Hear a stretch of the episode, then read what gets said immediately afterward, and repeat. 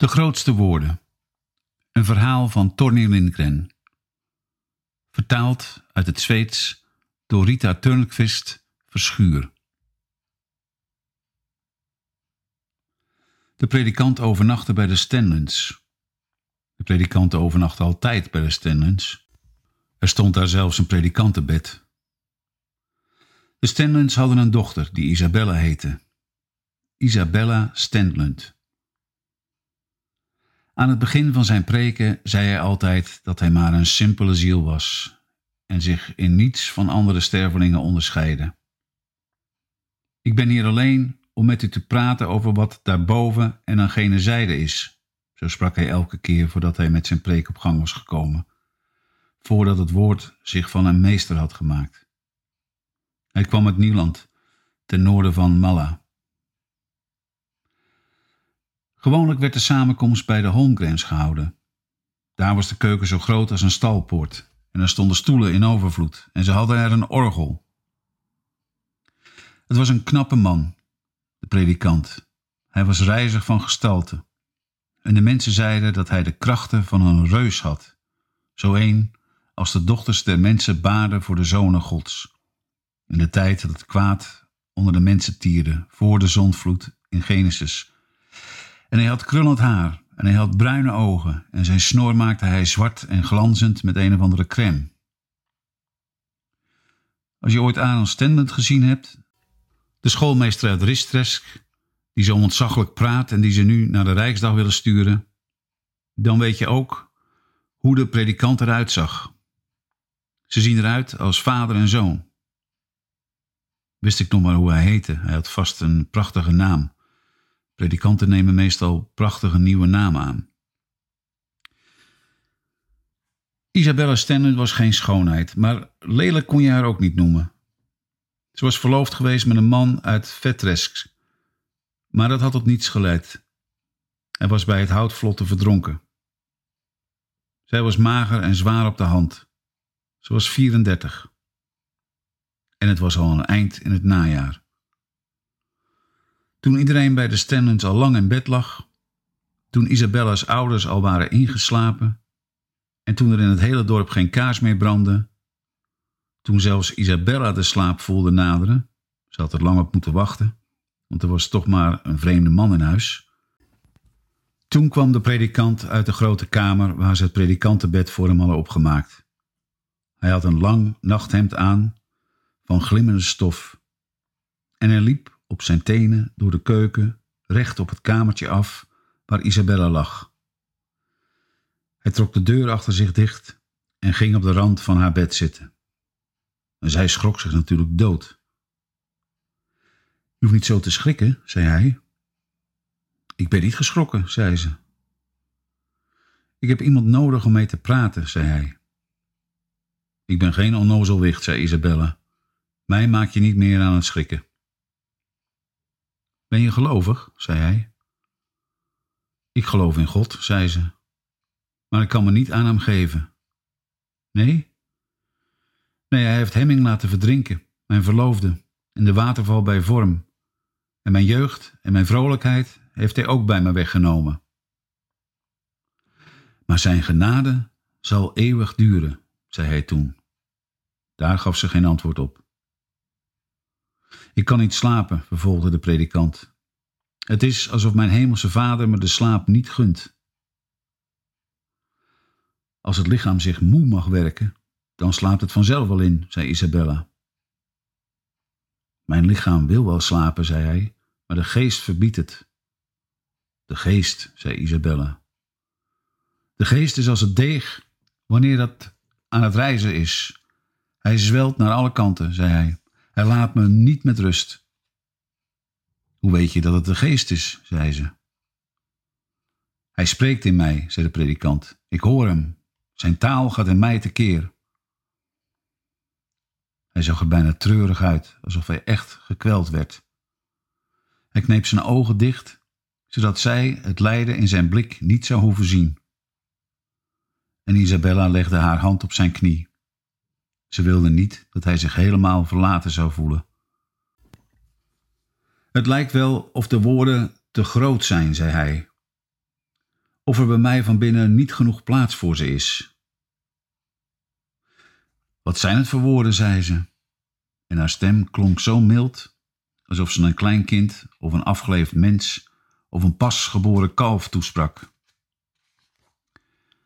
Het zijn de woorden Gods, zei hij, de woorden uit de wet en de profeten en het evangelie, en Paulus en de openbaring en de catechismus. Gaan die werkelijk in jou tekeer, vroeg ze. Ja, zei hij, ze rommelen en borrelen van binnen als de gassen van de spijsvertering. En het ergste is het s'nachts. Toen schoof ze een heel klein stukje dichter naar hem toe, alsof ze dacht dat ze de woorden dwars door zijn vlees heen zou kunnen horen rommelen en borrelen, dwars door dat dikke vlees van hem heen. Is het net als na het eten van gekookte erwten, zei ze. Ja, zei hij. Of als een orgel, zei ze. Ja, zelfs als een orgel. Alsof je een orgel in je lijf hebt. Woorden kennen geen boeien, zei hij. Woorden hebben de kracht van een storm. Ja, zei ze, daar heb ik wel eens aan gedacht. Dat woorden wild en onhandelbaar kunnen zijn. Dus je moet ze goed in de gaten houden, de woorden. De grootste woorden zijn het ergst, zei hij. De vergankelijkheid, de eeuwigheid en het beest en de genade en de heiliging en de wedergeboorte en de zaligmaking en de verlossing en de erfzonde. Ja, zei ze, die woorden zijn machtig. Om niet te spreken van de liefde, zei hij. Ja, zei ze, de liefde. En nu kroop hij bij haar in bed.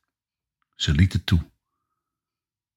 Het ging niet alleen om de woorden, hij had het ook koud. En op het ogenblik dat hij bovenop haar klom, noemde hij twee woorden uit de tweede brief aan de Corinthiërs: koude en naaktheid. En hij ging door met het opsommen van woorden, alle grote woorden, die telkens weer met de kracht van een storm in de borstkast en het hoofd en dat hele mannenlijf van hem binnendrongen. En de woorden gingen in al hun zwaarte over haar heen liggen. Bij hem zaten ze van binnen, maar zij voelde ze van buiten.